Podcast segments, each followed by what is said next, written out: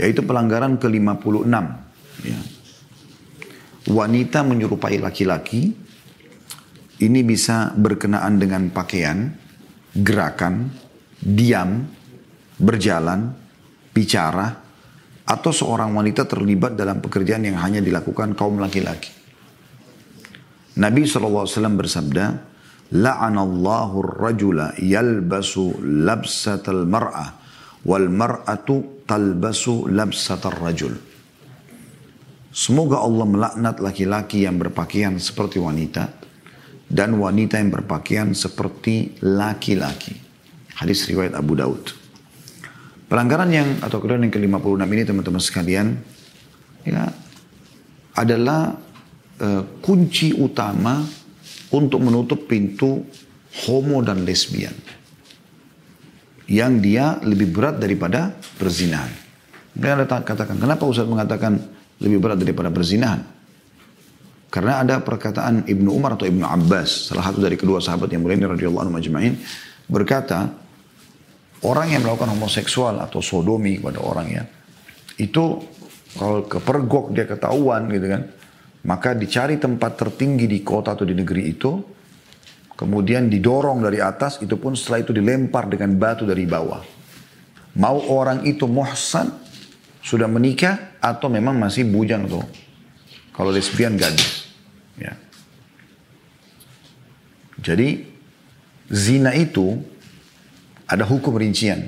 Kalau dia belum menikah masih bujang sama gadis lalu berzina, naudzubillah, eh, maka hukumannya dicambuk 100 kali di, di, di, diasingkan setahun. Tapi kalau dia sudah menikah, ya, semoga Allah maafkan kalau ada masa-masa lalu yang salah tentunya sekali lagi. Maka untuk semua teman-teman kita ya, kita tidak mudah-mudahan di sini tidak ada, tapi kalaupun ada, semoga Allah maafkan. Kalau dia sudah menikah dan dia berzina, maka hukumannya adalah dirajam sampai mati. Tapi homoseksual ini tidak teman-teman sekalian. Ya. Mungkin saja lesbian itu masuk di situ. Tapi yang dibahas adalah masalah homo secara khusus dalam riwayat Ibnu Abbas atau Ibnu Umar radhiyallahu anhu itu walaupun belum menikah tetap hukumannya dirajam dan itu pun dirajam dijatuhkan dari tempat tinggi dulu baru dilempar. Tuh, bahayanya gitu ya. Maka apa yang sedang kita bahas ini adalah kunci utama supaya tidak masuk ke sana. Nah saya mau berbagi teman-teman sekalian supaya anak-anak anda selamat dari perbuatan kaum Nabi Lut ini, homoseksual laki-laki sama laki-laki, dan lesbian perempuan, maka anda harus memperhatikan dua faktor, faktor internal dan faktor eksternal. Faktor internal adalah dalam rumah. Dalam rumah. Nah faktor internal dalam rumah ini yaitu seperti misalnya kasus uh, orang tuanya terlalu trader atau memang dasarnya mereka pernah melakukan perbuatan itu dan kelihatan oleh anak-anaknya. Ya. Ini parah sekali ya. Atau memang uh, orang tua misalnya punya anak tiga orang laki-laki. Lalu mereka berharap punya anak perempuan. Allah kasih anak keempat, anak perempuan misalnya. Sebuah nikmat yang besar. Tapi dalam hal pergaulan dan pendidikan, dia menyamakan atau membiarkan anak-anak laki-laki, tiga orang kakaknya si perempuan ini, mendidik adik perempuannya seperti laki-laki. Diajaklah main bola, berantem-berantem, pakaiannya pakai baju seperti laki-laki. Ini bermula dari situ itu. Nanti dia besar, dia anggap dirinya laki-laki, maka dia menjadi lesbian. Begitu juga sebaliknya, ini faktor internalnya. Begitu juga sebaliknya kalau seseorang atau orang tua punya tiga anak perempuan, mereka berharap punya anak laki-laki. Lalu Allah kasih anak laki-laki. Anak keempat misalnya laki-laki. Ini contoh saja ya.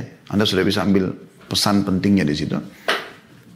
Uh, lalu dia biarkan kakak-kakak perempuannya si anak laki-laki ini tiga orang mengajak si adik, adik si laki-laki atau anak bungsu ini untuk main boneka, uh, rias-rias segala macam. Jadi akhirnya dia tumbuh seperti perempuan. Besar dia nggak suka sama perempuan, dia suka sama laki-laki terjadilah homoseksual kan gitu. Oleh karena itu di sini dijelaskan ya, pokoknya semua yang berhubungan dengan lawan jenis kita harus bertolak belakang. Di sini disebutkan, saya ulangi, wanita menyerupai laki-laki. Ini bisa berkenaan dengan pakaian. Kalau pakaian khas laki-laki jangan pernah dipakai oleh perempuan, khas perempuan jangan dipakai oleh laki-laki. Gerakan, Memang Allah sudah bedakan gerakan laki-laki sama perempuan. Laki-laki lebih tegas, lebih berwibawa gitu kan biasa. Perempuan lebih lembut, mulai Diamnya pun Mungkin diamnya perempuan beda, cara menatapnya, cara diamnya laki-laki beda. Gitu. Berjalan, bicara. Ya, banyak orang sekarang menyerupai, bahkan dianggap prestasi kalau bisa menyerupai perempuan. Ya, kayak banci-banci, billah, gitu kan. Atau seorang wanita terlibat dalam pekerjaan yang hanya dilakukan oleh kaum laki-laki. Laki-laki, tapi dia juga di situ. Jadi kayak asing kok ada perempuan di situ ya. ya Buru bangunan lah, atau apalah yang memang khas laki-laki itu. Sampai dalam Islam pun ibadah ada yang dibedakan antara laki-laki sama perempuan. Kayak laki-laki disuruh ke masjid, perempuan boleh sholat di rumah, gitu kan. Mencari nafkah laki-laki, perempuan tidak urus anak di rumah. Jihad laki-laki, perempuan tidak. Walaupun mereka masih boleh lakukan itu, tapi di keadaan tertentu. Tapi ini memang khas laki-laki. Dalam ibadah pun dibedakan, ada ada pembedaan di sebagian jenis ibadah kita. Masalah pakaian di sini Nabi SAW melaknat. Laknat artinya berdoa. Nabi SAW berdoa kepada Allah agar diangkat berkah hidupnya. Laki-laki yang menyerupai perempuan atau berpakaian wanita. Dan wanita yang berpakaian laki-laki. Jadi nggak boleh sama sekali. Ya, nggak boleh sama sekali. Beliau juga bersabda, La'anallahu rajalata minan nisa. Allah melaknat perempuan yang berdandan ala laki-laki. Hadis riwayat Abu Daud. Tomboy. Ya, nggak boleh. Rambutnya dipotong pendek seperti laki-laki. Menganggap itu modern. Ini ngawur ini, gitu kan. Wanita memang khasnya gemulainya dengan rambut yang panjang, dengan perawatannya, dengan segala macam. Laki-laki nggak butuh hand body, nggak butuh sunblock. Perempuan yang butuh itu. Kenapa laki-laki mau ikut-ikutan ini? Untuk apa? Kalaupun ada perawatannya dia mungkin sesuai dengan laki-lakinya lah gitu ya. Seperti itu. Jadi kadang-kadang ada orang terlalu berlebihan akhirnya dia tampil seperti perempuan benar. Dan dia bangga dengan itu. Manaudzubillah. Di Indonesia lebih jauh lagi. Sampai pada tingkat mereka operasi kelamin. Dusta ini nggak bisa. Walaupun dia mengatakan diri saya uh, sudah perempuan. Dari mana? Dari mana? Anda banci, Anda operasi kelamin pun tetap Anda laki-laki. Hukum Anda berlaku sebagai laki-laki. Gak boleh. Gak ada haid kok gitu kan. Gak bakal bisa hamil, mustahil. Gak mungkin. Justru Anda bertobat kepada Allah SWT, kembali kepada Allah SWT. Nggak boleh. Juga dengan perempuan. Harus memang gemulai, harus lembut segala macam.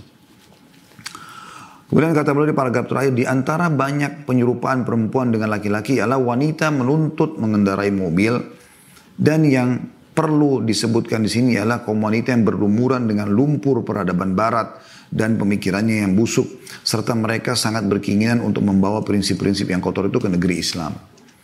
Yang dimaksud di sini adalah bukan dilarang untuk menyetirnya ya. Tetapi kalau seandainya seorang wanita masih bisa disetirkan oleh mahramnya, suaminya, anaknya, saudaranya, kan lebih bagus. Lebih bagus. Saya kadang-kadang bingung, kecuali memang darurat Anda tidak ada supir, mungkin beda. Ya.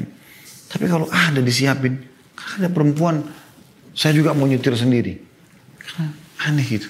Saya pernah membahasakan ke istri saya pada saat dia mau, saya mau belajar bawa mobil gitu. Terus saya tanya, kenapa?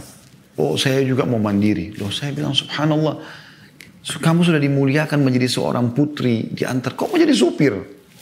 Kok terbalik? Tapi kalau seorang single fire, single parent misalnya darurat, dia memang harus itu beda. Perempuan juga boleh memiliki keterampilan untuk bawa mobil ya, tapi dipakai dalam hal darurat.